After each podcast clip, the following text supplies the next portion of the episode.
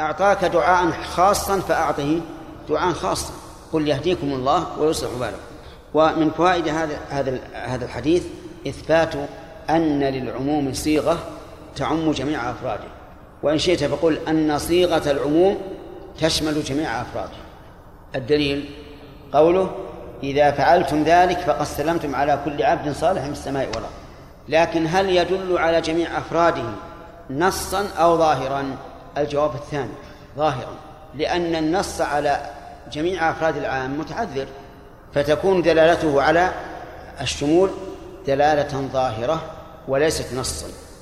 بدليل لو كان عندك وعاء فيه مثل دراهم. الأصل أن هذا الوعاء مملوء مملوء بالدراهم. لكن قد يكون إيش؟ غير مملوء. قد يكون غير مملوء.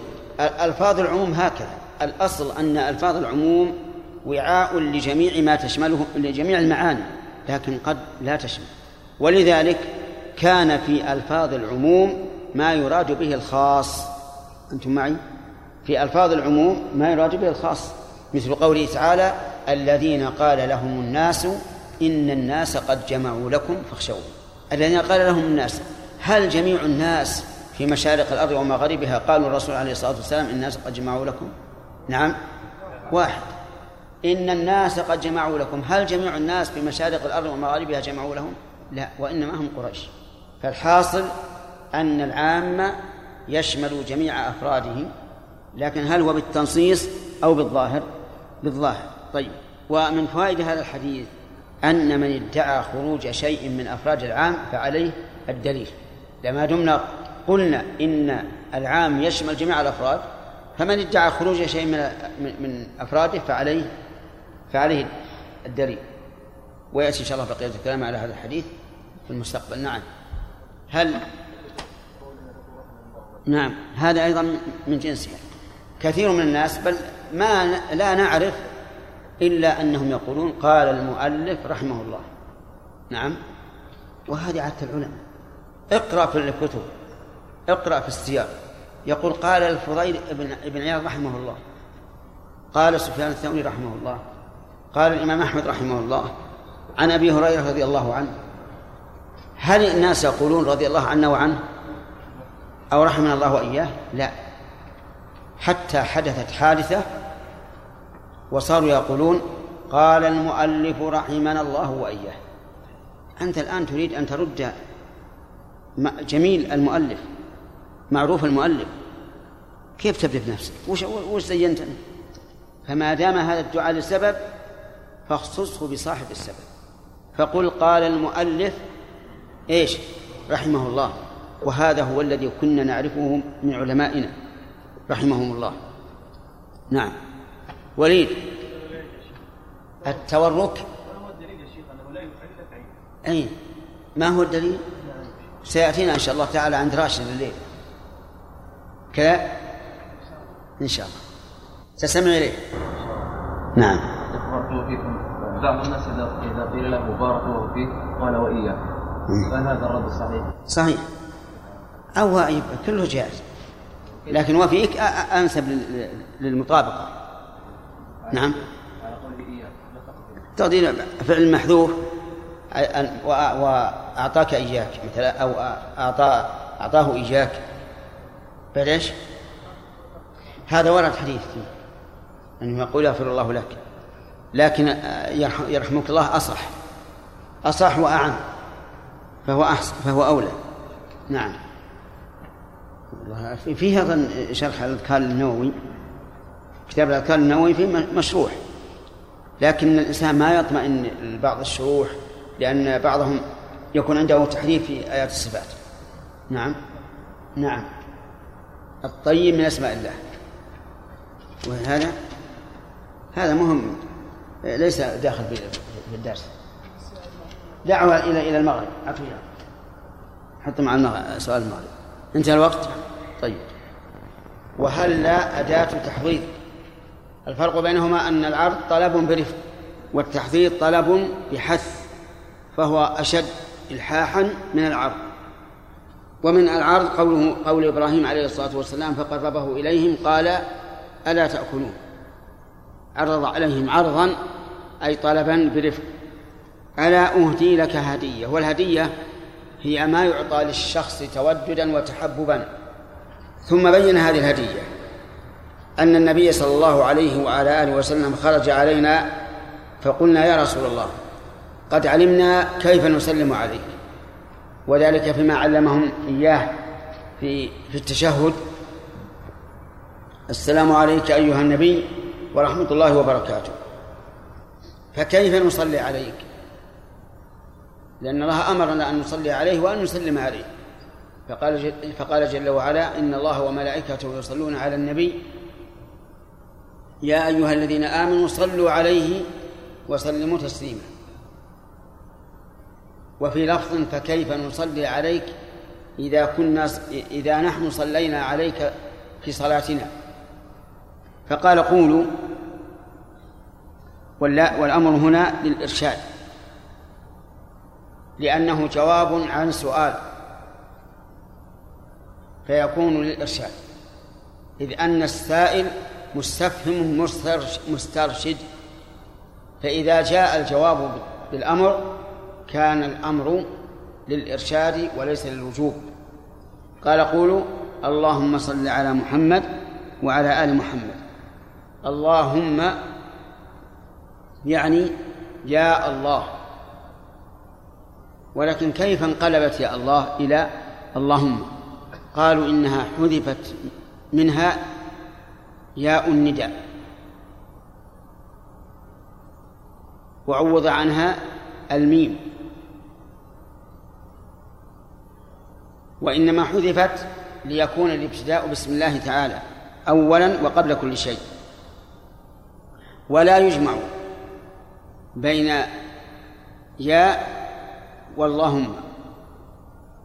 إذ لا يجمع بين العوض والمعوض. ولكن قد يأتي شاذا في النظم كما قال ابن مالك رحمه الله والأكثر اللهم بالتعويض وشذ يا اللهم في قريض. أي في في النظم. صل على محمد وعلى آل محمد. صل على محمد. قال بعض العلماء الصلاة من الآدميين الدعاء ومن الملائكة الاستغفار ومن الله الرحمة. يعني فإذا قال القائل فإذا أخبر الإنسان أن الله صلى على نبيه فالمعنى رحمه. وإذا جاء الخبر عن الملائكة أنهم يصلون على المؤمنين فالمعنى يستغفرون لهم. وإذا قلت صليت على فلان صليت على فلان أي دعوت له لقول الله تعالى وصل عليهم فكان النبي صلى الله عليه وسلم يدعو لهم. هذا هو المشهور عند كثير من العلماء. لكن فيه نظر فيه نظر. لأن الله تعالى قال أولئك عليهم صلوات من ربهم ورحمة. فعطف الرحمة على الصلاة والعطف يقتضي المغايرة وأن لا تكون الكلمتان بمعنى واحد. وعلى هذا فليطلب للصلاة معنى آخر. ذكروا عن أبي عالية الرياحي رحمه الله أنه قال الصلاة من الله عز وجل على عبده هي ثناؤه عليه في الملأ الأعلى. يعني ثناؤه عليه عند الملائكة في الملأ الأعلى. ومن المعلوم أن هذا التفسير يحتاج إلى دليل لأنه خبر عن أمر غيبي. والخبر عن أمر غيبي لا بد أن يكون عن طريق الوحي. ولم يثبت عن النبي صلى الله عليه وسلم أنه فسر ذلك أن فسر الصلاة بالثناء على الله في على العبد في الملأ الأعلى. لكن كأن أبا العالي رحمه الله أخذه من المعنى لأن الصلاة لا بد أن تكون أخص من الدعاء. فرأى أن من أن من أفضل الإثابات أن يثني الله تبارك وتعالى على العبد ويدل على أن ثناء الله على العبد أهم من الثواب الحسي. قول الله تبارك وتعالى إن الذين آمنوا وعملوا الصالحات أولئك هم خير البرية. جزاؤهم عند ربهم. فبدأ بالثناء عليهم لأن الثناء أعظم من الثواب الحسي. وقول على محمد وعلى آل محمد آه، سبق أن المراد بالآل هم الأتباع على الدين. إلا إذا قرن بالأتباع على الدين فإنه يكون المراد به المؤمنين من قرابة النبي صلى الله عليه وعلى آله وسلم. كما صليت على إبراهيم وعلى آل إبراهيم. كما صليت. الكاف هنا للتعليل. يعني كما أنك صليت على إبراهيم وعلى آل إبراهيم سابقا فنسألك أن تصلي على محمد وعلى آل محمد لاحقا. اللهم بارك نعم. إنك حميد مجيد. حميد بمعنى حامد وبمعنى محمود فهو جل وعلا حامد لمن يستحق الحمد وهو محمود لكمال صفاته. كما نعم. محمود يعني يحمده الخلق والمجيد اسم فاعل أو صفة مشبهة. أي ذو المجد والمجد هو العظمة والسلطان. وبارك على محمد وعلى آل محمد يعني أنزل فيهم البركة في العلوم والأموال وغيرها. كما باركت على إبراهيم وعلى آل إبراهيم إنك حميد مجيد. آه، في هذا الحديث فوائد عديدة منها عرض العلم على الطالب على طالب العلم.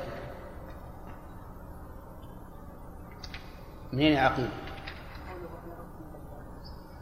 من أن كعب بن عجرة أهدى عرض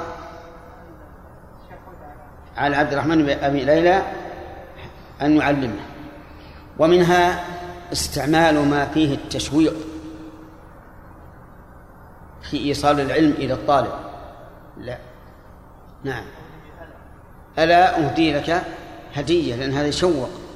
فإن النفس إذا إذا قيل للإنسان أهدي لك هدية لا بد أن يشتاق ويشرج ومنها أن التعليم يسمى هدية.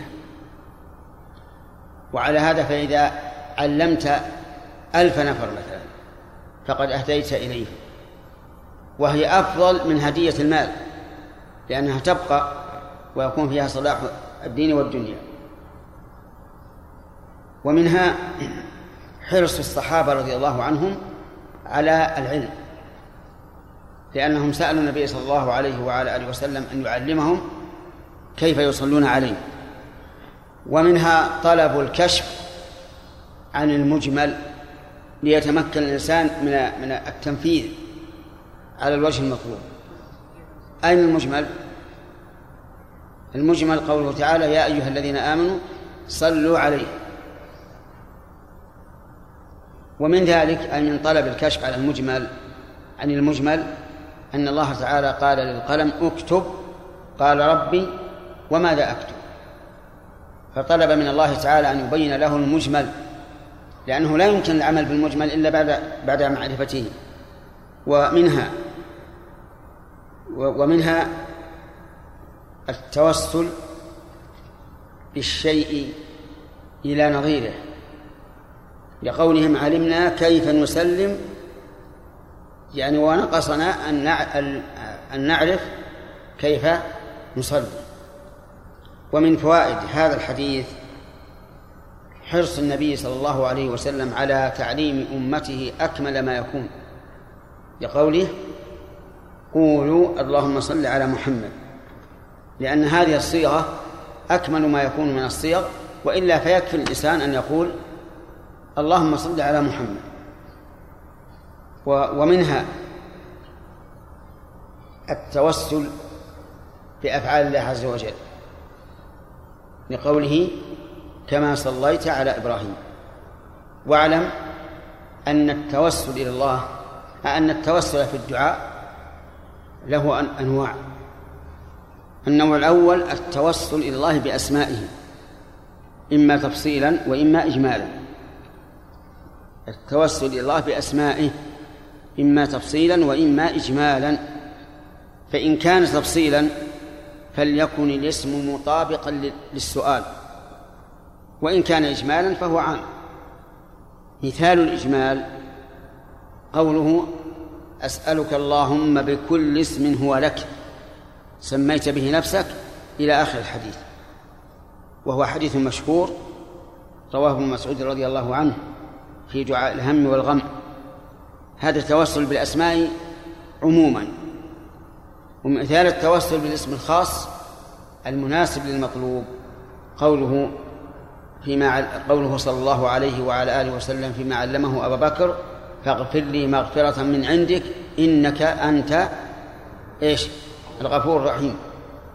والداعي يدعو الله فيقول يا غفور اغفر لي. هذا توسل الله ب... ب... ب...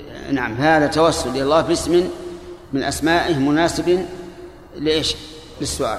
طيب النوع الثاني التوسل إلى الله تعالى بصفاته. التوسل إلى الله تعالى بصفاته.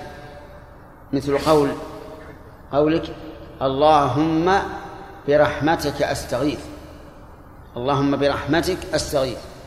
ليس المعنى أنك تستغيث بالرحمة لأن الاستغاثة بالرحمة على أنها هي المغيثة شرك وكفر. لكنك تستغيث بالله متوسلا إليه بإيش؟ برحمته. ومنه أيضا دعاء الاستخارة. اللهم بعلمك اللهم إني أستخيرك بعلمك وأستقدرك بقدرتك. فهذا من التوسل بالصفة. النوع الثالث التوسل إلى الله تعالى بأفعاله. وهذا لا بد أن يكون الفعل المتوسل به مطابقا للسؤال. ومنه ما في هذا الحديث. اللهم صل على محمد كما صليت على إبراهيم. اللهم بارك على محمد كما باركت على إبراهيم. هذا التوسل إلى الله بماذا؟ بأفعاله. القسم الرابع أو الخامس. القسم الرابع. التوسل إلى الله تعالى بالإيمان به. التوسل إلى الله بالإيمان به. ومن ذلك قول الله تبارك وتعالى ربنا إننا آمنا فاغفر لنا ذنوبنا. الذين يقولون ربنا إننا آمنا فاغفر لنا ذنوبنا. فهنا توسل إلى الله تعالى بالإيمان أن يغفر ذنوبهم. بعده الخامس التوسل إلى الله تعالى بالأعمال الصالحة. ومنه توسل أصحاب الغار. أصحاب الغار هم ثلاثة دخلوا غارا لجأوا إليه فانطبقت عليهم صخرة. لم يستطيعوا أن يزاحزحوها فقال بعضهم لبعض توسلوا إلى الله تعالى بصالح أعمالكم. فتوسل أحدهم بكمال البر لوالديه وتوسل الثاني بكمال العفة وتوسل الثالث بكمال الأمانة. القصة مشهورة معروفة عندكم ولا لا؟ ها؟ معروفة فانفرجت الصخرة وخرجوا يمشون. هذه خمسة السادس. السادس التوسل إلى الله تعالى بحال العبد. مثل أن تقول اللهم إني فقير فأغنني جاهل فعلمني ضعيف فقوني. ومنه قول موسى عليه الصلاة والسلام رب إني لما أنزلت إلي من خير فقير. رب إني لما أنزلت إلي من خير فقير. ووجه كون ذلك توسلا أن ذكر حال المرء تفويض العبد أمره إلى الله عز وجل. وهذا سبب لإجابة الدعاء. السابع التوسل إلى الله تعالى بدعاء الرجل الصالح أي بأن يدعو لك. ومنه أن رجلا أتى إلى النبي صلى الله عليه وسلم وقال يا رسول الله هلكت الأموال وانقطعت السبل فادعوا الله يغيثنا. فدعا فأغيث. هذا توسل إلى الله بدعاء الرجل الصالح. لكن إن طلبت من الرجل الصالح أن يدعو لك آه، إن كان لعموم المسلمين فلا بأس لأن هذا من الإحسان إلى الداعي والمدعو والمدعو له. مثاله الحديث الذي ذكرنا ادعو الله يغيثه فهو لعموم المسلمين. فلو أتيت إلى رجل صالح تتوخى أن تجاب دعوته وقلت ادعو الله تعالى بنصر المجاهدين ادعو الله تعالى بالغيث للمسلمين. فهذا طيب ومأثور وسنة. وإن كان الدعاء لك خاصة فهذا لا ينبغي. لا ينبغي إلا من النبي صلى الله عليه وعلى آله وسلم. لأن النبي صلى الله عليه وسلم قد أمن جانبه أن يغتر بذلك. ولأن الإجابة ولأن إجابة دعائه قريبة إن لم تكن مضمونة. ومن ذلك أن النبي صلى الله عليه وسلم لما أخبر أن من أمته سبعين ألفا يدخلون الجنة بلا حساب ولا, ولا عذاب قام عكاشة بن محصن فقال يا رسول الله ادعو الله أن يجعلني منهم. فدعا له وقال أنت منهم وهل من ذلك آه، الدعاء المسلمين للميت؟ الجواب لا. دعاء المسلمين للميت شفاعة وليس وسيلة لأن الميت ما طلب منهم أن يدعوا له. حتى نقول إنه توسل بدعائهم ولكنه شفاعة. كم هذا من قسم؟ سبعة ولا ستة؟ سبعة أقسام كل هذه جائزة ومشروعة. التوسل إلى الله تعالى بالأموات. مثل أسألك بحرمة فلان أو جاه فلان أو ما أشبه ذلك. توسل بدعي لا يجوز لأنه لا فائدة منه. فإن كون هذا الذي تتوسل به من أولياء الله حيا أو ميتا لا ينفعك. والوسيلة لا بد أن نعلم أن لها أثرا في حصول المطلوب لأنها وسيلة فلا بد أن نعلم أن لها أثرا في حصول المطلوب. وماذا ينفعك أو يكون سببا لحصول مطلوبك؟ جاه الولي أو جاه النبي. لا ينفع شيء لأن الجاه إنما ينفع صاحبه ولا علاقة له بدعائه. ولهذا كان القول الراجح أن التوسل بجاه النبي صلى الله عليه وسلم محرم لأنه لا وسيلة في ذلك. طيب من فوائد حديث نعود إلى فوائد حديث كعب بن عزرة. أن أكمل من فوائده أن أكمل صفة للصلاة على النبي صلى الله عليه وسلم هي هذه. لأن النبي صلى الله عليه وسلم علم أمته أكمل ما يكون. لكن هل هي واجبة؟ فالجواب لا. لأن ذكرنا أن أن قوله قول اللهم لإيش؟ للإرشاد لأنه جواب عن سؤال. فإن جاء دليل يدل على وجوب الصلاة على النبي صلى الله عليه وعلى آله وسلم فهو دليل خارجي. أما هذا الحديث فلا. طيب.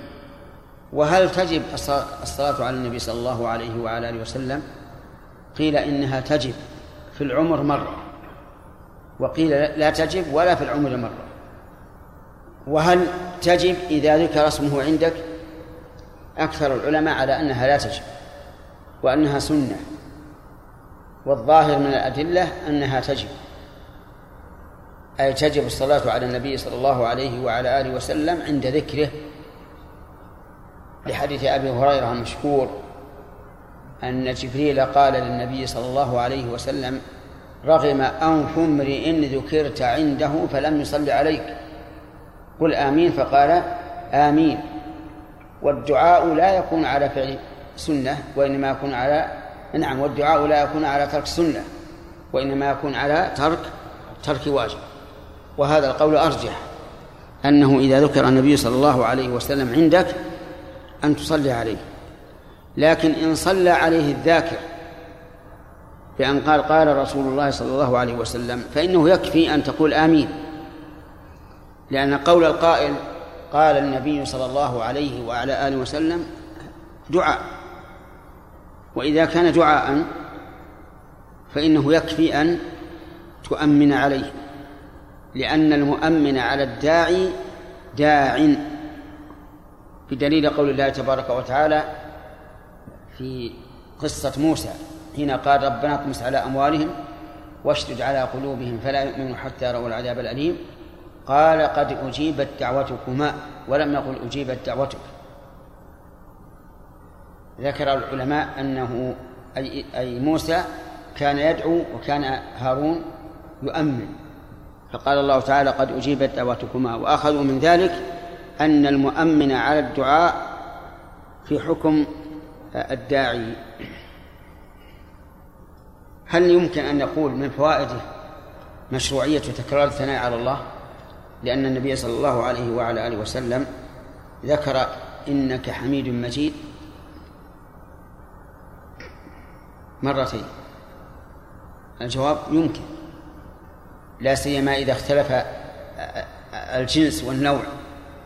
فهنا اللهم صل ليست هي اللهم بارك. قوله إنك حميد مجيد من أي أنواع التوسل؟ نعم؟ نعم من باب التوسل إلى الله بأسمائه. نعم. بالنسبة التوسل هل هل يجوز التوسل بفعل شخص شخص معين؟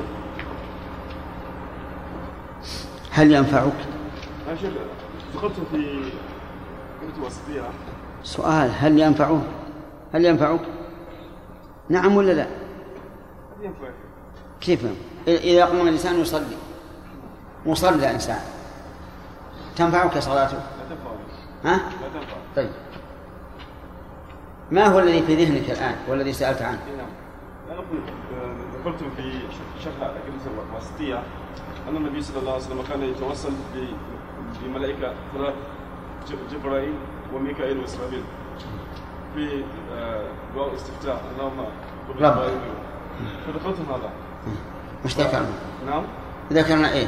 قلت ان أن ج- آه، صلى الله عليه وسلم يتوسل آه، آه، لله لله بربوبية هؤلاء الملائكة؟ برب- بربوبية هؤلاء أحسنت التوصل بالربوبية توصل بالصفة إي نعم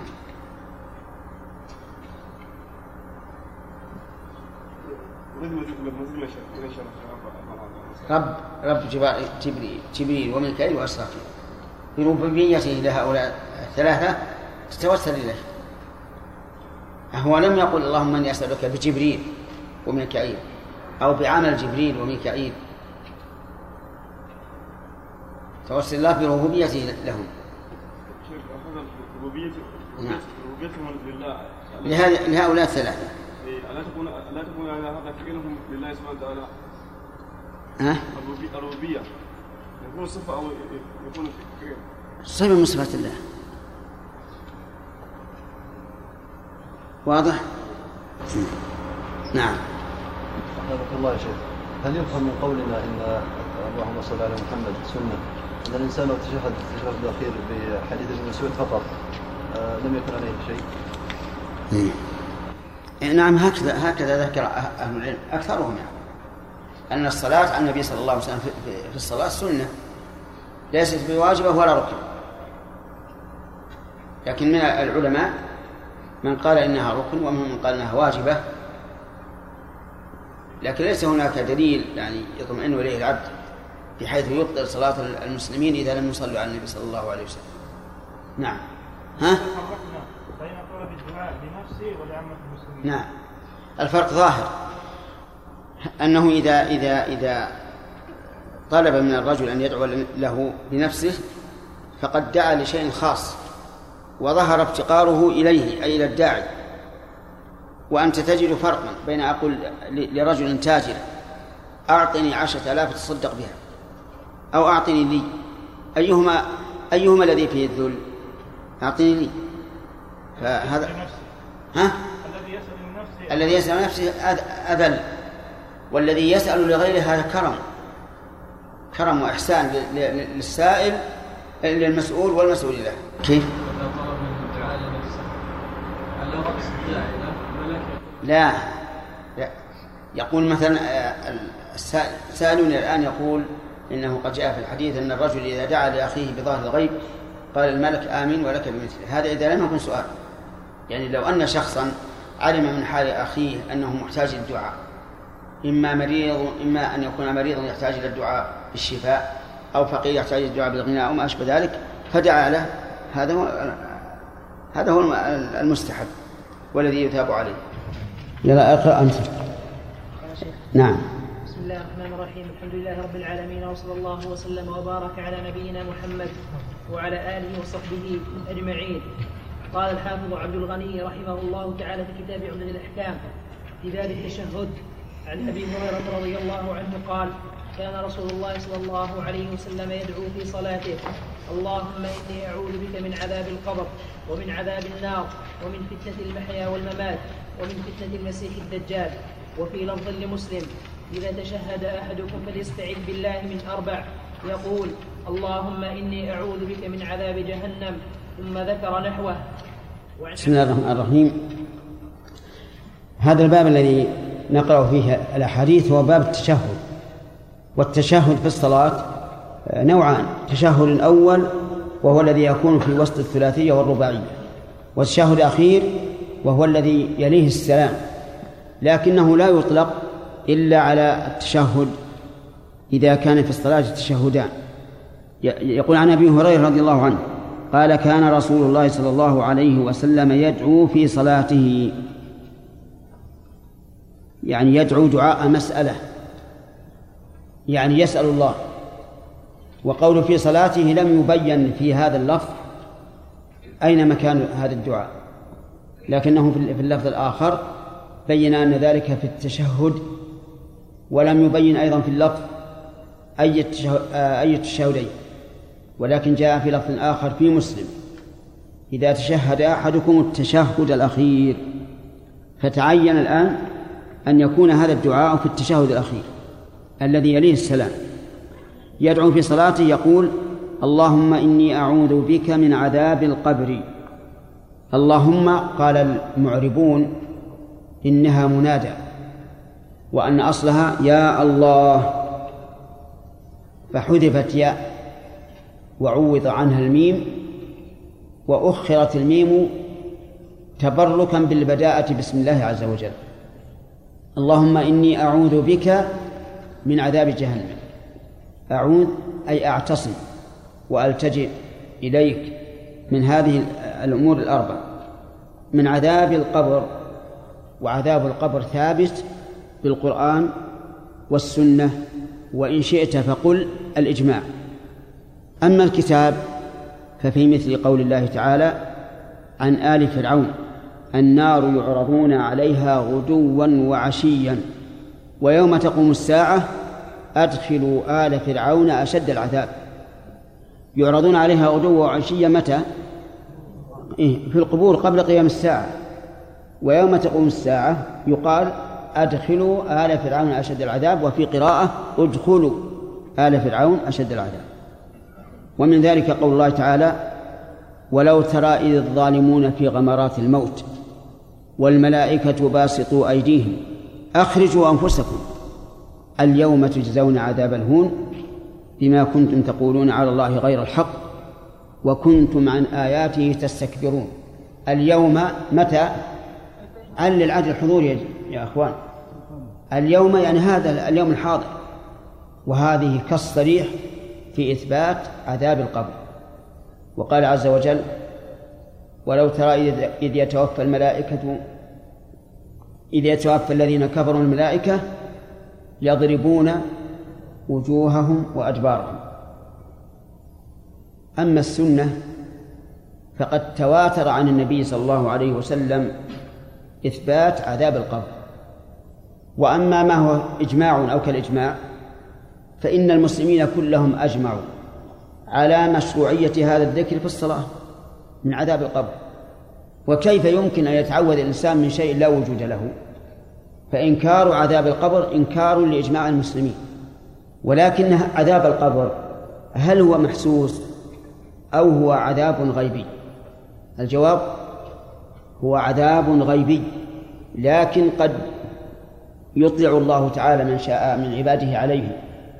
وإلا فالأصل أنه غيب ومما أطلع الله عليه بعض عباده القبران اللذان مر بهما رسول الله صلى الله عليه وعلى آله وسلم وقال إنهما لا يعذبان وما يعذبان في كبير.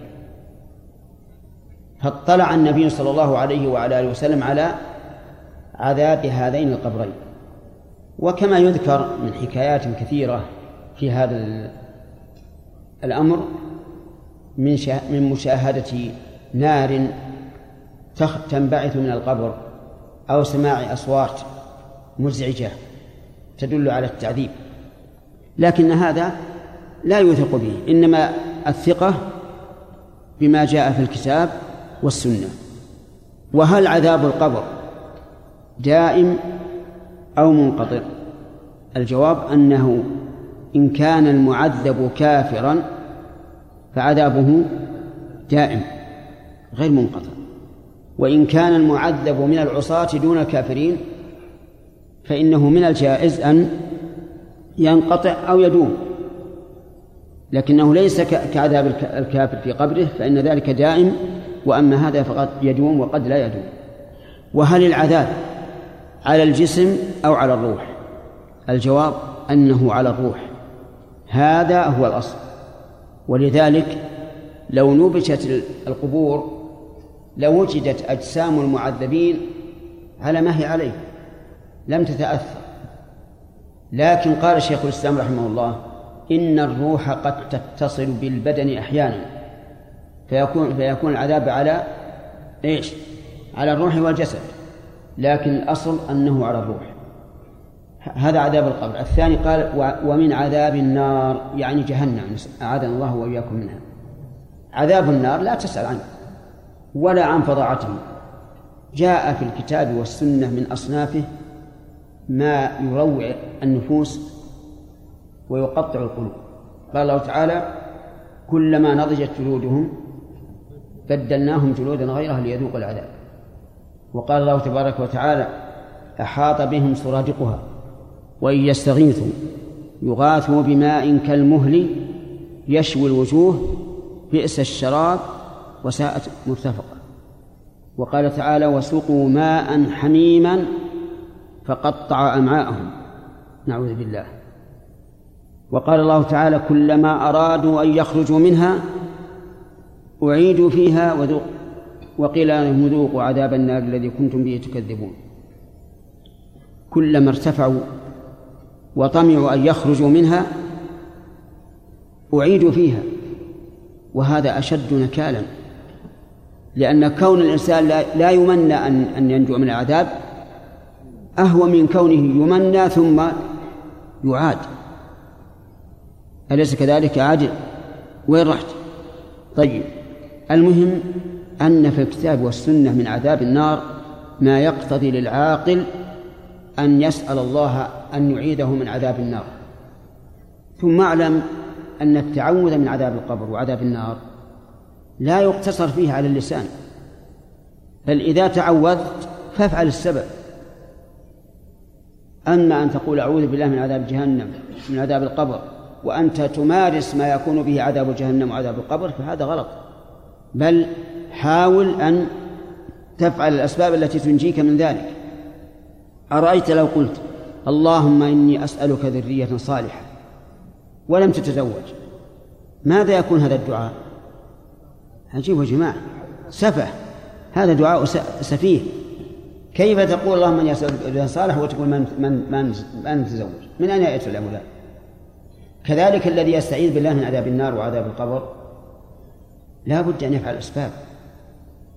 ويسأل الله أن أن ينجيه فيقبل الأسباب التي جاء بها. ومن فتنة المحيا والممات. المحيا عين الحياة والممات الموت. فتنة المحيا يعني فتنة الحياة أنواع لا تحصى. لا يمكن أن تحصى ابدا. لأن إرادات الخلق متنوعة. وأهواءهم مختلفة. فأحد يفتن بالنساء وأحد يفتن بالمال وأحد يفتن بالقصور وأحد يفتن بالسيارات وأحد يفتن بالقيل والقال. المهم أنواعهم لا تحصى فتنة الدنيا لكنها كلها تدور على شيئين شبهات وشهوات. فالشبهات أصلها نقص العلم فيلتبس على الإنسان الحق بالباطل. الشهوات أصلها ضعف العزيمة. فلا يكون عند الإنسان عزيمة يدع ما تشتهيه نفسه إذا كان في غضب الله عز وجل. إذا فتنة المحيا ضابطها كل ما يصد عن ذكر الله. هذا الضابط. أنواعها عجيب. أنواع كثيرة. لا يمكن أن تحصى. مدارها على شيئين شبهات وشهوات. الشبهات أصلها نقص العلم. ما يكون عند الإنسان علم يميز به. الشهوات ضعف الإرادة. ليس عند الإنسان قوة وعزيمة يكبح نفسه عن شهواتها. فتنة الممات. قيل إنها الفتنة التي تكون عند الموت. وقيل إنها الفتنة التي تكون بعد الموت. ولو قال قائل بأنها الفتنتان لصح كلامه الفتنة عند الموت أجارنا الله وإياكم منها. أن يحال بين الإنسان وبين حسن الخاتمة. أعوذ بالله أعوذ بالله أعوذ بالله. يحال بينه وبين حسن الخاتمة. فتجده يسعى في الدنيا ويركض ويذهب ويجيء فإذا حل به الأجل أوقع الله في قلبه الشك والعياذ بالله. ومات على إيش؟ على غير إيمان. مات على غير إيمان. وقد ورد أن الشيطان يأتي إلى الإنسان في هذه الحال الحرجة ويتمثل له صنما فيدعوه إلى عبادته والإنسان في ذلك تلك الحال ما له نفس. ضيق الصدر. شديد الألم القلبي والبدني فربما يضل. ولهذا كان الشيطان أشد ما يكون حرصا لإغواء بني آدم. متى؟ عند الموت. لأن لأن الساعة الحاسمة. وذكروا أن الإمام أحمد رحمه الله حضرته الوفاة. فسمعوه يقول بعد بعد. فلما أفاق سألوه قالوا إنك تقول بعد بعد فما هذا؟ فقال إن الشيطان أمامي يعض أنامله أنامله. يقول فتني يا أحمد. ونعم والله فاته. جاءت محنة القول بخلق القرآن فثبت. فأقول له بعد بعد. وش معنى بعد بعد؟ يعني أن الإنسان ما دامت روحه في جسده فلا يأمن لا يأمن الفتنة. فإن الإنسان قد يضل والعياذ بالله عند آخر ساعة ولكن أبشروا أنه متى صدقت النية مع الله وصلح العمل فلن يخيب الله عبده أبدا لأن الله تعالى أكرم من عبده إذا عمل له. فأبشر يا أخي ما دامت النية مع الله صادقة أن الله تعالى لن يخيبك أبدا. قال النبي صلى الله عليه وعلى آله وسلم تعرف إلى الله في الرخاء. الجواب؟ يعرفك في الشدة وهذا كلام النبي عليه الصلاة والسلام وهو حق. يرحمك الله. فاصدق النية مع الله ييسر لك حسن الخاتمة. وقيل إن فتنة الممات ما يكون بعد بعد الموت لأن الناس يفتنون في قبورهم. يسأل الرجل إذا دفن وتولى عنه أصحابه يقال من ربك؟ ما دينك؟ من نبيك. فيثبت الله تعالى الذين آمنوا بالقول الثابت ويقول المؤمن ربي الله ودين الإسلام ونبيه محمد. وأما المنافق والمرتاب فيقول لا أدري سمعت الناس يقولون شيئا فقلت. إذا فتنة الممات تشمل حالين. الحال الأولى حال الإنسان إيش؟ عند الاحتضار. والحالة الثانية حال الإنسان بعد الدفن. فأنت تستعيذ بالله من الفتنتين جميعا. ومن فتنة المسيح الدجال. المسيح الدجال رجل من بني آدم. وهو بالحاء المهملة. وليس كما قال بعض العلماء عفى الله عنا وعنهم إنه يقال المسيخ بالخاء. ولا يقال المسيح لأن المسيح عيسى ابن مريم. ولكن هذا خطأ عظيم فادح. كيف يقول أعلم الخلق المسيح وأن تقول لا تقول المسيح؟ قل المسيح. وهذا من التنطع المذموم. بل هو مسيح لكن فرق بين مسيح عيسى بن مريم والمسيح الدجال. المسيح الدجال كذاب. يمسح الأرض. بسرعة ويجول فيها بسرعة لكنه دجال. وعيسى بن مريم صادق رسول رسول من من أولي العزم.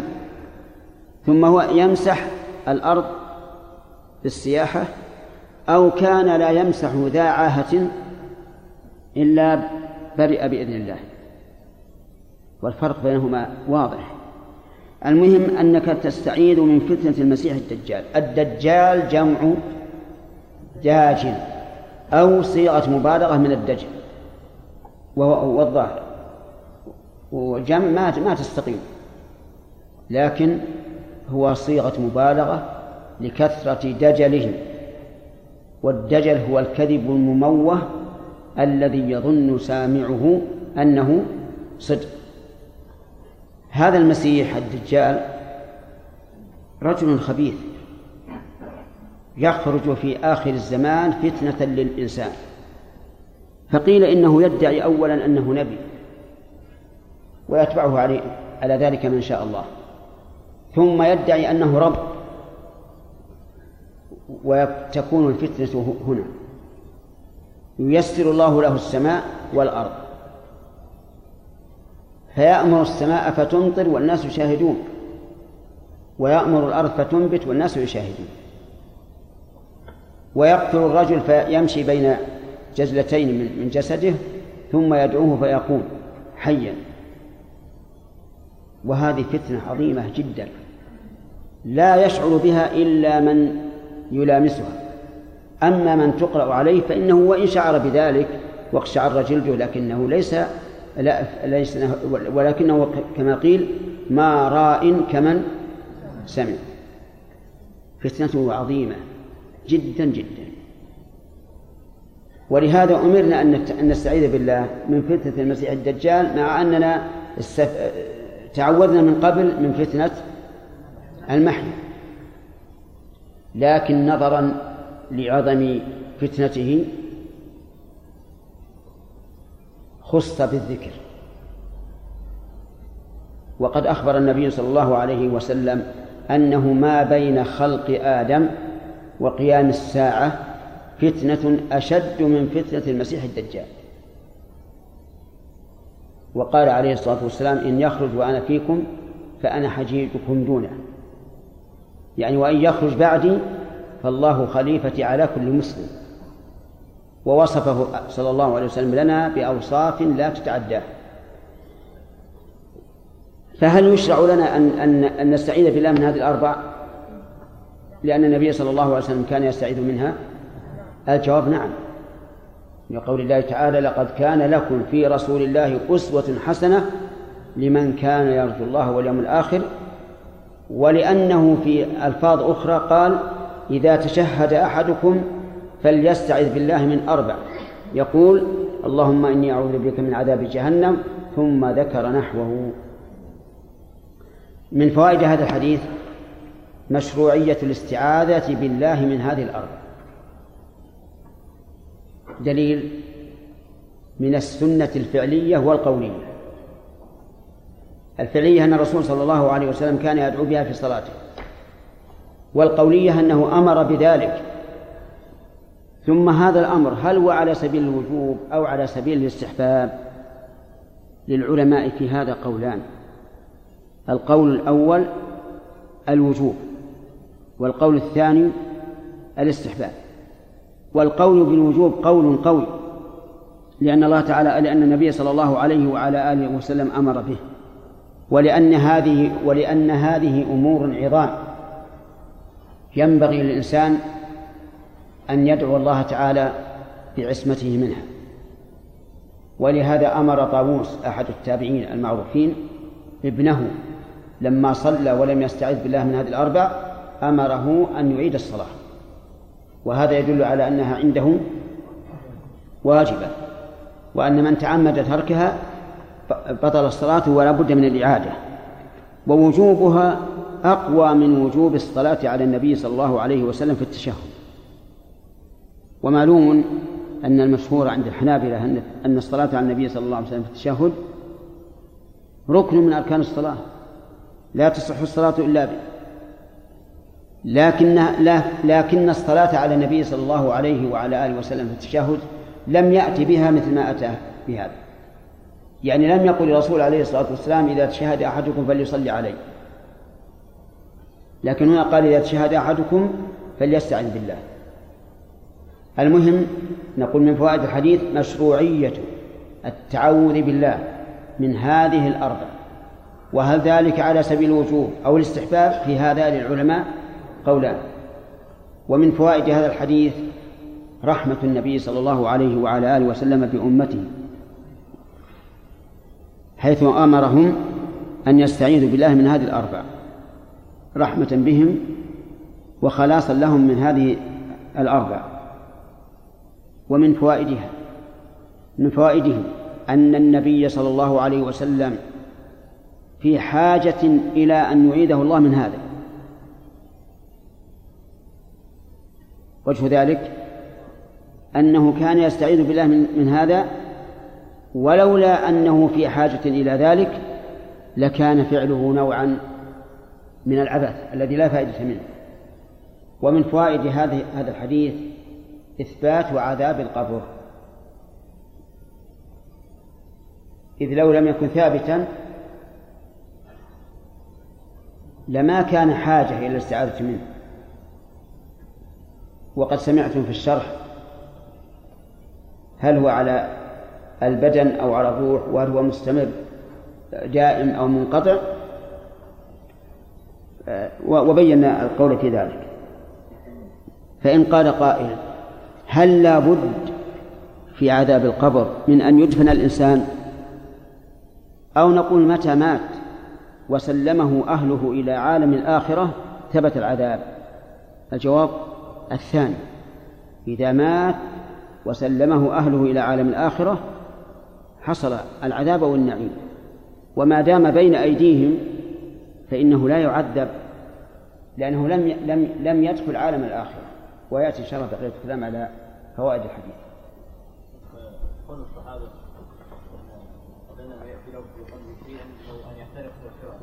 نعم إيش؟ الحديث الذي يعني كان الصحابة يجدون في أنفسهم شيئا نعم نعم. الوسوسة. نعم. هذه إذا جاءت قبل الممات هل تكون من ومات عليها؟ هل تكون من باب صريح الإيمان أو لا ما هو مات عليها. الوسوسة هذه التي تأتي الإنسان في قلبه في الخالق أو في الرسل أو في الكتب إن إن قبلها واستقر عليها فيها كفر وردة وإن نابذها وفر منها فلا تضره شيئا سواء عند الممات أو قبل. نعم.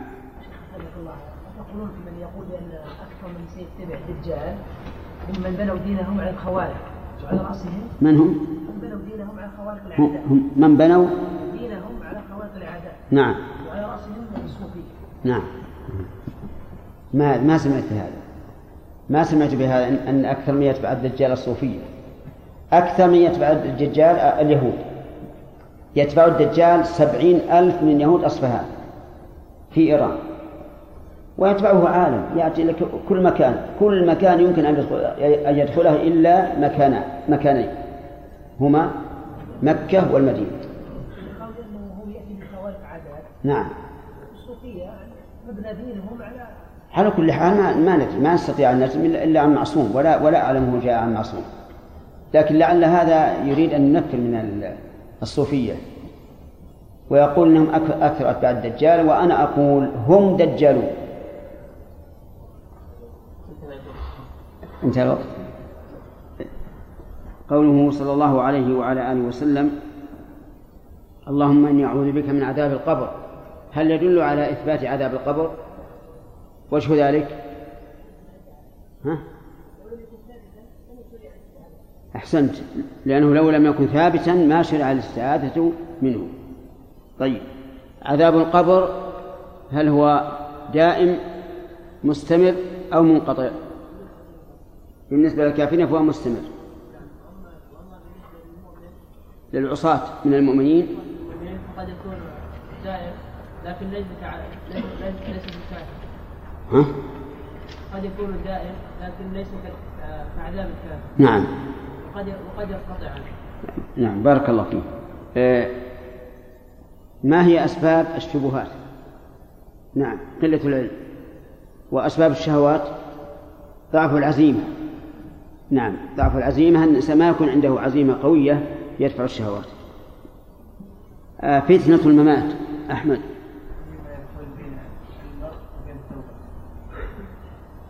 فتنة الممات لا غلط.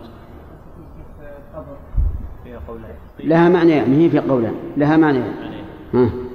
أن الفتنة التي تكون عند الموت أن يحال بين الإنسان وبين حسن الخاتمة أو الفتنة التي تكون عند القبر بعد. بعد الدفن طيب. عند الموت قبل الموت وبعد. الفتنة التي تكون حال الاحتضار عند الموت. فإن الشيطان أحرص ما يكون على إغواء بني آدم في تلك الحال. والثاني؟ أن تكون في القبر. ما هي فتنة القبر؟ ألا يجيب على ألا يحول بين القول الثابت في القبر نعم. نعم. سؤال الملكين.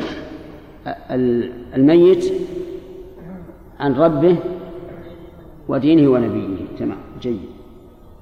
فتنة المسيح الدجال. أليست من فتنة الممات خالد؟ من فتنة المحيا. ها. نعم.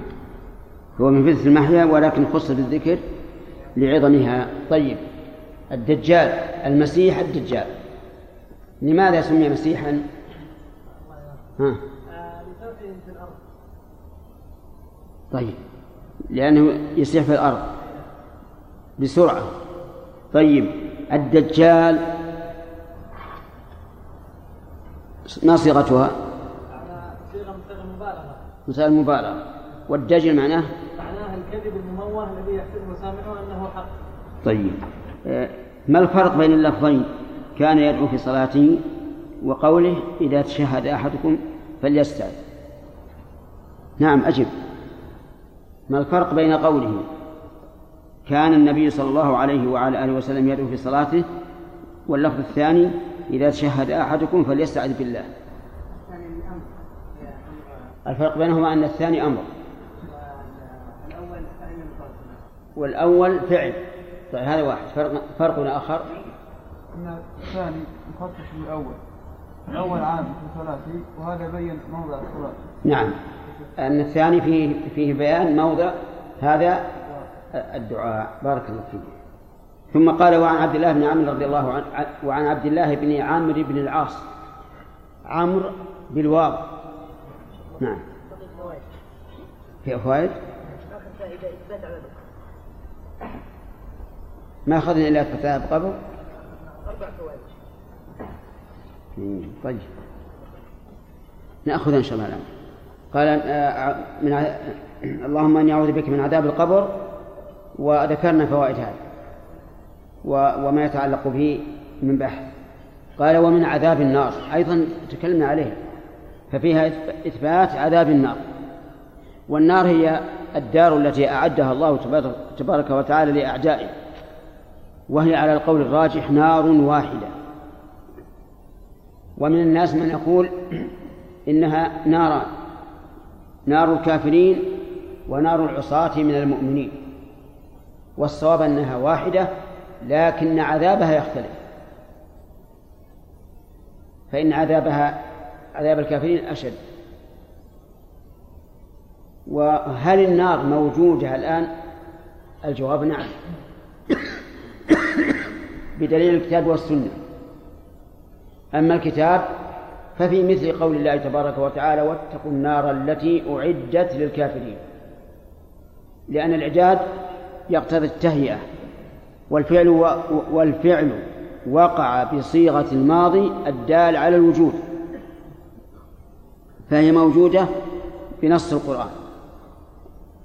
أيضا موجودة بدلالة السنة. فإن النبي صلى الله عليه وعلى آله وسلم عرضت عليه النار. ورأى فيها عمرو بن لحي يجر قصبه في النار. ورأى فيها امرأة عذبت في هرة حبستها. الهرة اسمك؟ مالك؟ أخبرك هذا به؟ طيب. ويقال القط له أسماء كثيرة لأنه كثير الطواف عند الناس فكان له أسماء كثيرة منها الهر والقط والبس و إيش؟ السنور السنور وهكذا. طيب. إذا النار موجودة الآن بدلالة الكتاب والسنة. هل النار تعدم أو لا؟ الجواب لا تعدم. بل هي باقية أبد الآبدين. وقد ذكر الله تبارك وتعالى التأبيد في ثلاث سور من القرآن. السورة الأولى النساء. قال الله تعالى إن الذين كفروا وظلموا لم يكن الله ليغفر لهم ولا ليهديهم طريقا إلا طريق جهنم خالدين فيها أبدا. خالدين فيها أبدا. ويلزم من تأبيد خلود من فيها أن تكون أن تكون هي مؤبدة. الآية الثانية في سورة الأحزاب.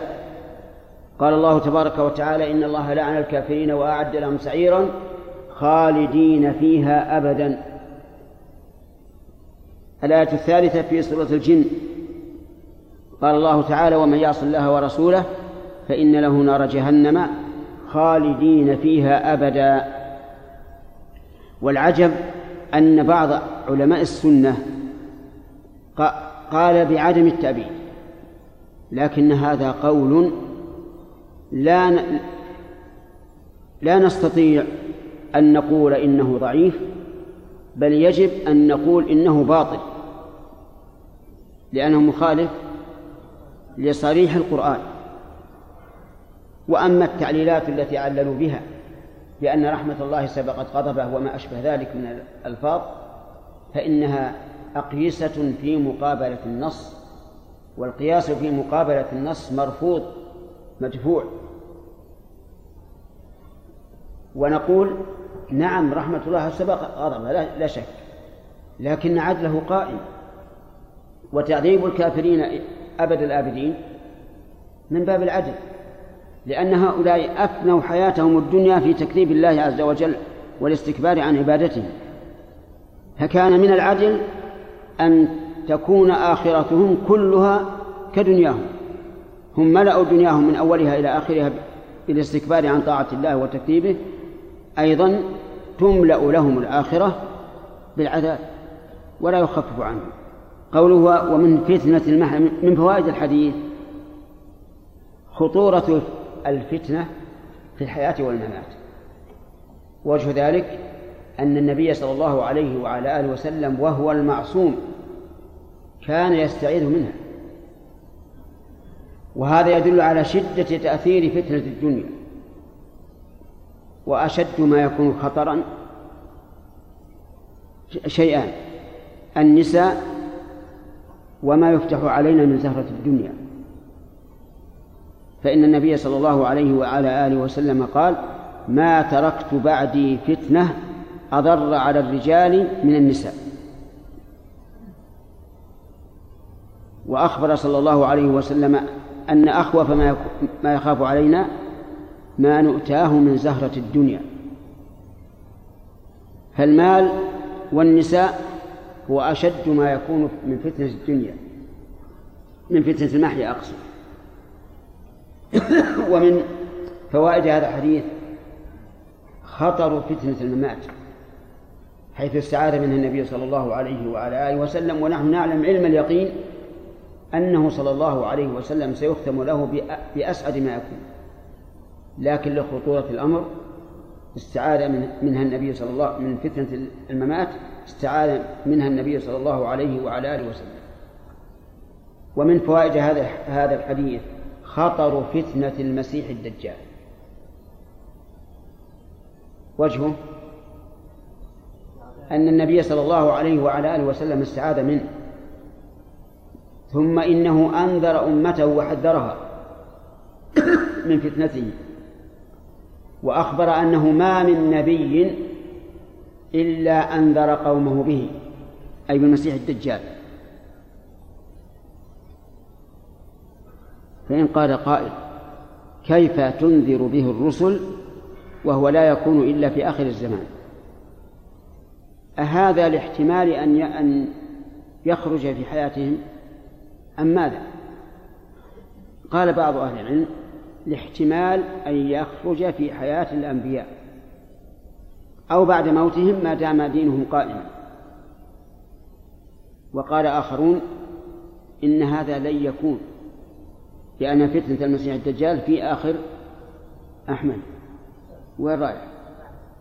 في آخر الزمان لكن للتنويه عن شره والخوف منه وتعظيم شأنه أنذرت به الرسل. وهذا وجه. فيه رأي ثالث. يقول فتنة المسيح الدجال ليست من باب إضافة الفتنة إلى إلى الشخص بل إلى النوع. وأن المراد من كل فتنة تشبه فتنة فتنة الدجال. وقد أخبر النبي صلى الله عليه وسلم أنه سيكون في أمته دجالون. فقال إن المراد بالدجال هنا النوع لا الشخص وحينئذ يصح أن ينذر به الرسل السابقون لأن الشخص الدجال لا يمتنع أن يكون في أي أمة. أفهمتم؟ لكن الأقرب عندي والله أعلم أن فتنة المسيح الدجال من باب إضافة الشيء إلى إلى المعين بشخصه وأن المراد به الدجال الذي يكون في آخر الزمان. لكن إنذار الأمم فيه من باب تعظيم شأنه. وأن يحذر البشر منه. ومن فوائد هذا الحديث أنا قصدي في هذه في فتنة الدجال مباحث. أولا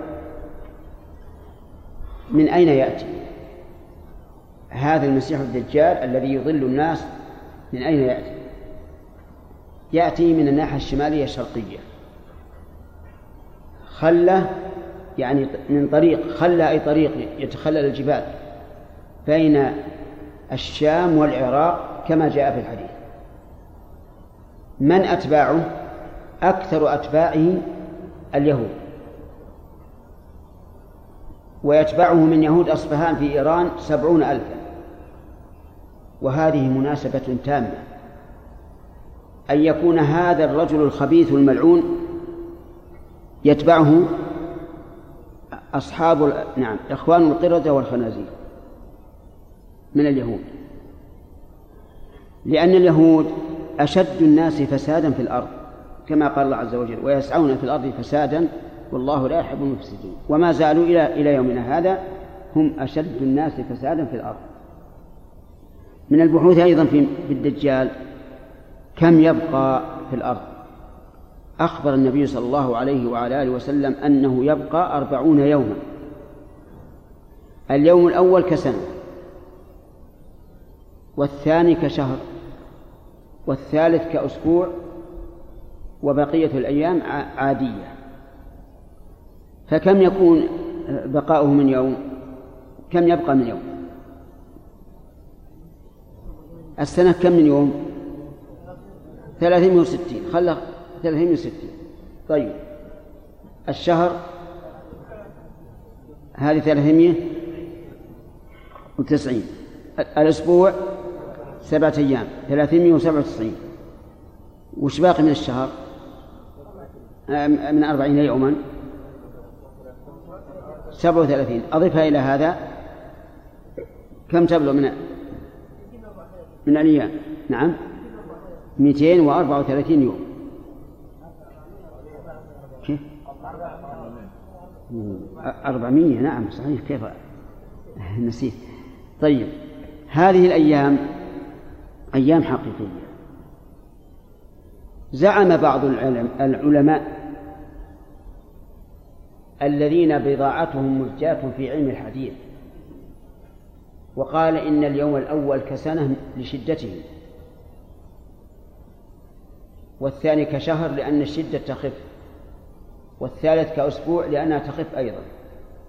وليس المراد المدة المعلومة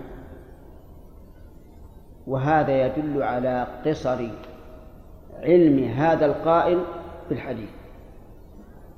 وذلك أن النبي صلى الله عليه وعلى آله وسلم لما حدث الصحابة قالوا يا رسول الله هذا اليوم الذي كسنه تكفينا فيه صلاة يوم واحد؟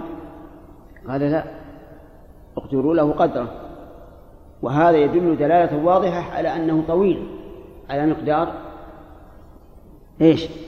على مقدار السنة وليس كما قال هذا الجاهل إن المراد بذلك طول اليوم من من شدة المشقة لأن الحديث صريح.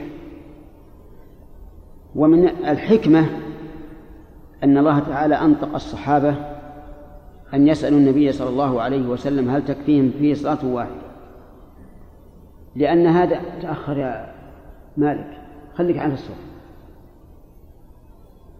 لأن هذا حل إشكالا في عصرنا الحاضر. في المناطق القطبية التي يكون فيها اليوم ستة أشهر. حيث نقول لهؤلاء في الصلاة إيش؟ اقتلوا لها قدرها.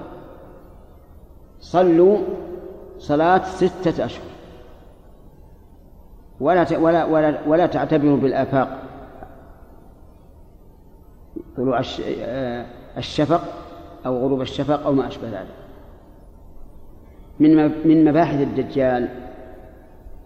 ماذا يدعي الدجال؟ وماذا يصنع؟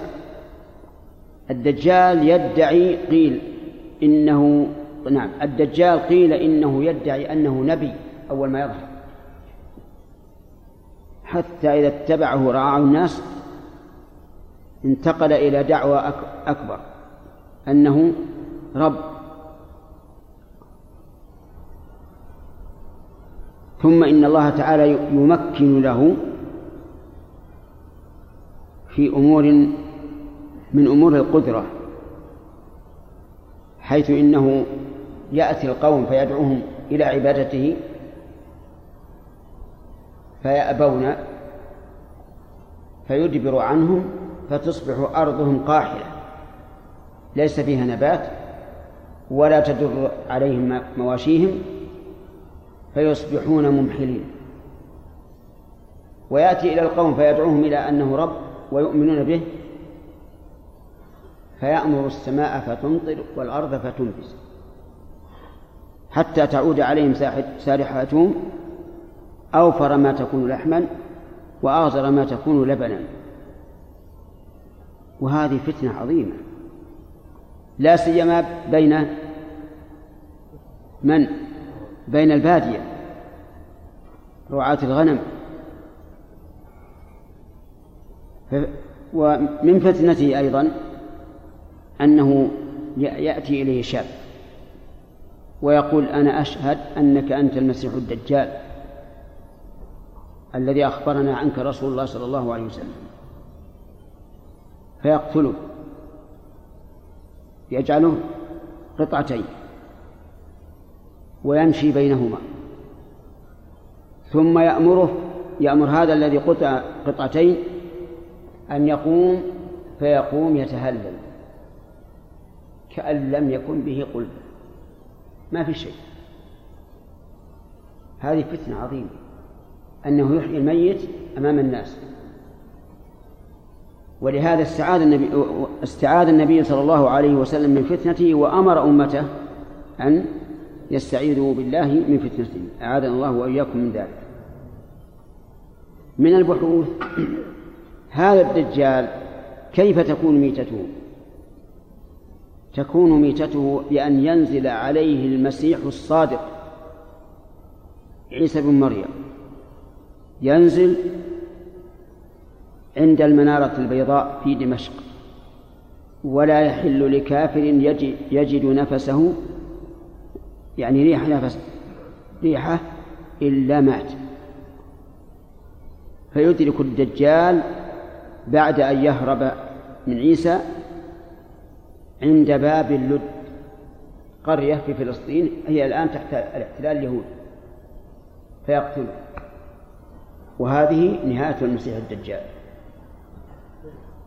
ومن فوائد هذا الحديث من فوائد هذا الحديث الأمر بالاستعاذة بالله تعالى من هذه الأربع لقوله إذا تشهد أحدكم. فيجتمع في هذا السنة الفعلية والقولية. الفعلية هي أن النبي صلى الله عليه وسلم يفعل ذلك والقولية هي أنه أمر. واختلف العلماء رحمهم الله في هذا الأمر هل الوجوب هو أم للاستحباب فقال بعض العلماء بأن بالوجوب يعني يجب أن يستعيذ بالله من الأربع وهذا القول ليس بعيدا من الصواب إن لم يكن هو الصواب. لأن النبي صلى الله عليه وعلى آله وسلم أمر بذلك وفعله بنفسه ولأن هذه أمور خطيرة ينبغي للمرء أن يلجأ إلى الله تبارك وتعالى في الخلاص منها. فالقول بالوجوب قول قوي. ولكن هل نأمر من لم يأت به في صلاته بالإعادة؟ الجواب إن نفعل فقد فعله لنا إمام وهو طاووس.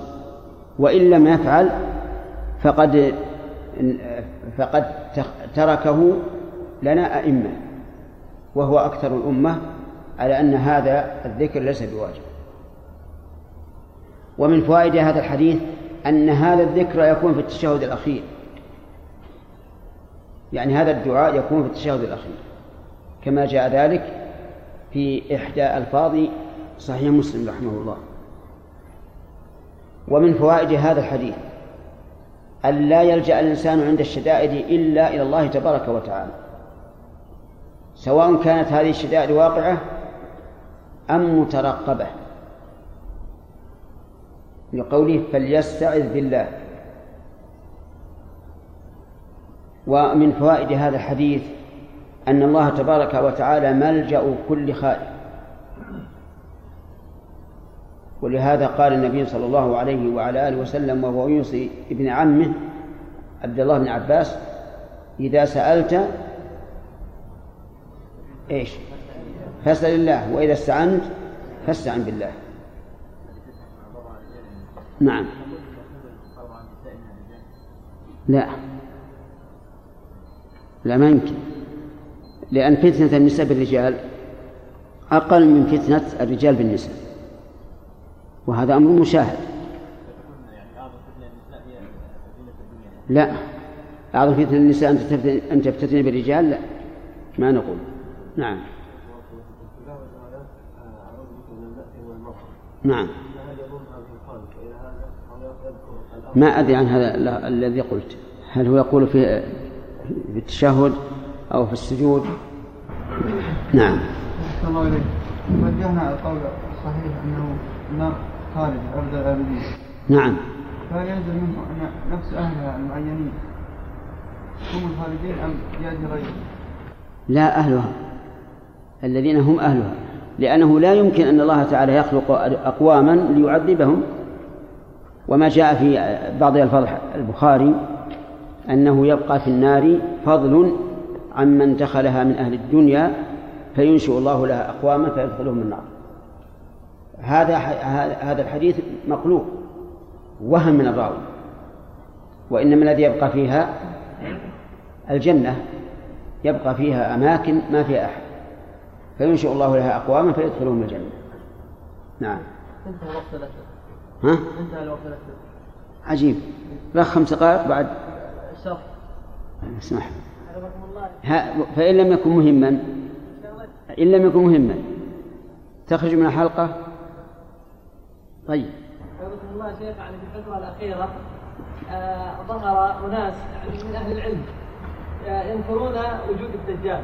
نعم. ويدعون أن أو يتحدثون بأن الأرض قد اكتشفت. نعم. ولم يبقى موضع شبر نعم. من الأرض إلا وقد اكتشف ها ولم يوجد أثر لهذا الدجال نعم. فأخذوا يتأولون آه، أحاديث الدجال المتواترة بأنها عبارة عن الشر والفساد وغيرها من ذلك فهذه نعم. شبهة يعني عظيمة حفظكم الله لو جليتموها هذه ليست شبهة لا ما هي شبهة هل الدجال مخلوق الآن؟ ليس بمخلوق والحديث أنه مجذوب الصحابة حديث الجس الجساسة هذا فيه نظر. هذا وإن كان في صحيح مسلم لكن فيه نظر من حيث سند ومن حيث متن لا تطمئن النفس إليه. فالدجال يخلق في وقته. وليس هو ابن ابن صياد الذي وجد في عهد النبي صلى الله عليه وسلم. لأن ابن صياد احتج على من قال إنك أنت الدجال قال الآن أنا متجه إلى مكة وأنا ساكن في المدينة والدجال ما يدخل مكة ولا المدينة. كون الرسول صلى الله عليه وسلم لم ينفي يعني أو لم يعترض على الصحابة آه، في اعتقادهم إن ان أن ابن الصياد هو الدجال. نعم. يعني ألا يدل ذلك على أنه حي موجود؟ لا. لأن ابن صياد هذا مات. مات مع الناس وقته و- وإن أطلق عليه الدجال مثل أطلقه عليه بعض الصحابة فالمراد الدجل اللي هو التمويه الكذب والتمويه. صاحب عمدة الأحكام رحمه الله تعالى في باب التشهد عن عبد الله بن عمرو بن العاص عن أبي بكر الصديق رضي الله عنهم أنه قال لرسول الله صلى الله عليه وسلم علمني دعاء أدعو به في صلاتي. قال قل اللهم إني ظلمت نفسي ظلما كثيرا ولا يغفر الذنوب إلا أنت. إيش؟ ولا يغفر الذنوب إلا أنت. نعم. فاغفر لي مغفرة من عندك وارحمني إنك أنت الغفور الرحيم. وعن عائشة رضي الله عنها قالت ما صلى رسول الله صلى الله عليه وسلم صلاة بعد أن نزلت عليه إذا جاء نصر الله والفتح إلا يقول فيها سبحانك اللهم ربنا وبحمدك اللهم اغفر لي.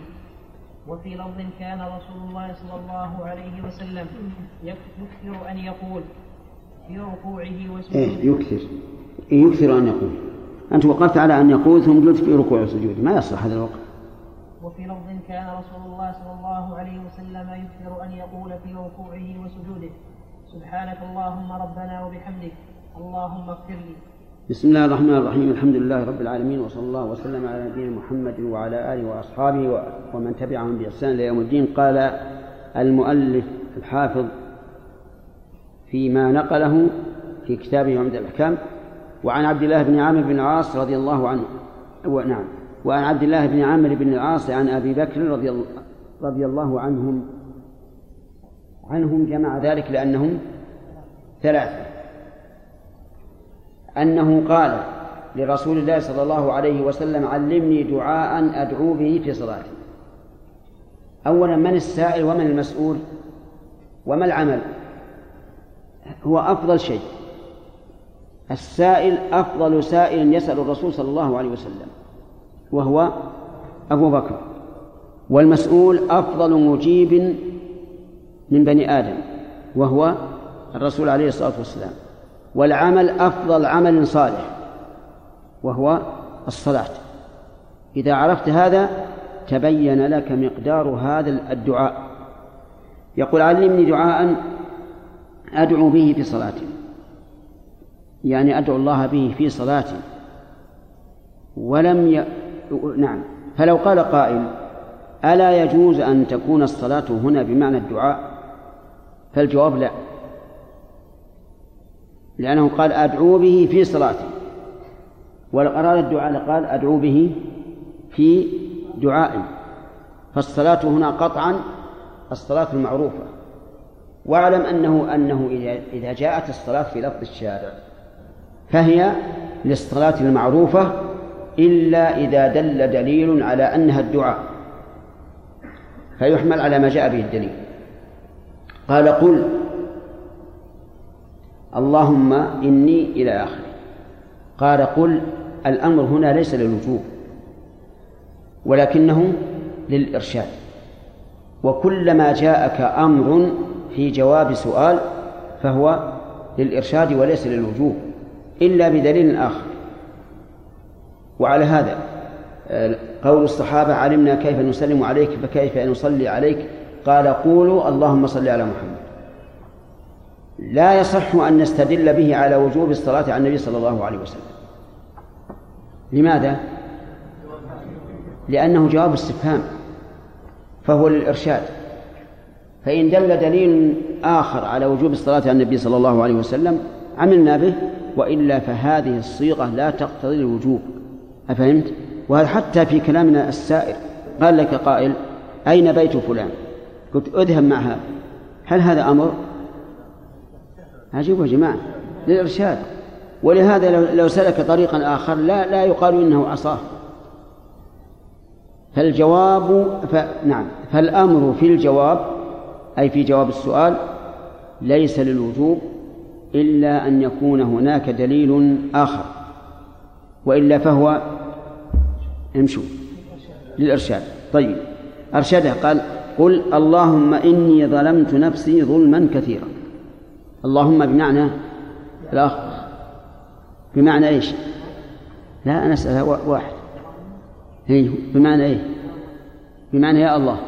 طيب إيه ولكن يقول المحللون لهذه الكلمة اللهم أصلح يا الله. حذفت ياء النداء وعوض عنها الميم. ثم أخرت الميم لأنها ليست أصلا في النداء.